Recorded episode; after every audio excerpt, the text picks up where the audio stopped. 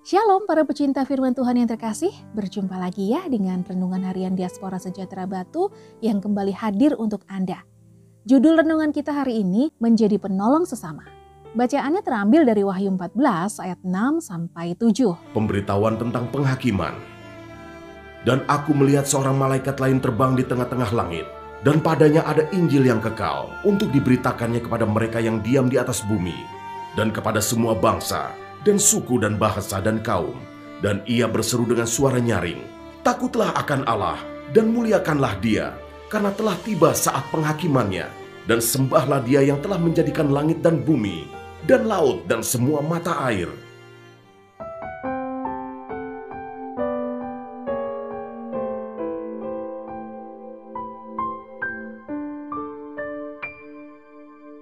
Dan ia berseru dengan suara nyaring, Takutlah akan Allah dan muliakanlah dia karena telah tiba saat penghakimannya dan sembahlah dia yang telah menjadikan langit dan bumi dan laut dan semua mata air. Wahyu 14 ayat 7.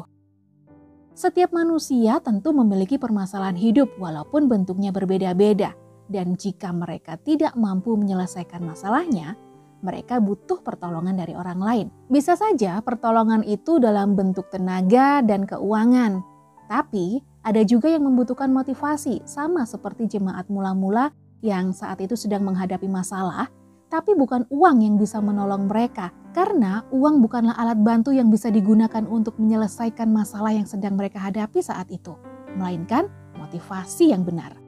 Allah tahu bahwa mereka membutuhkan nasihat, motivasi, supaya dapat bertahan dalam masa-masa yang sulit itu. Itu sebabnya Allah tetap mendampingi gerejanya dan memberikan kekuatan, motivasi, dan penghiburan kepada mereka. Allah juga memberikan penghargaan di akhir perjuangan mereka selama hidup di bumi dengan kemuliaan kekal.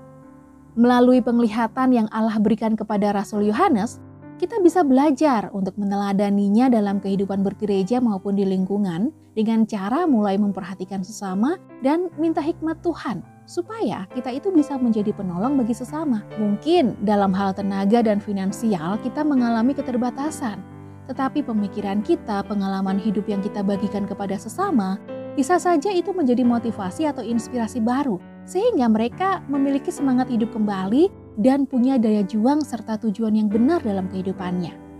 Menjadi penolong bagi sesama, jangan tunggu jadi kaya raya dulu, tapi lakukanlah semampu Anda, dan Tuhanlah yang akan menyempurnakannya. Jawab mereka, seorang Mesir menolong kami terhadap gembala-gembala, Bahkan ia menimba air banyak-banyak untuk kami dan memberi minum kambing domba. Keluaran 2 ayat 19. Tuhan Yesus memberkati.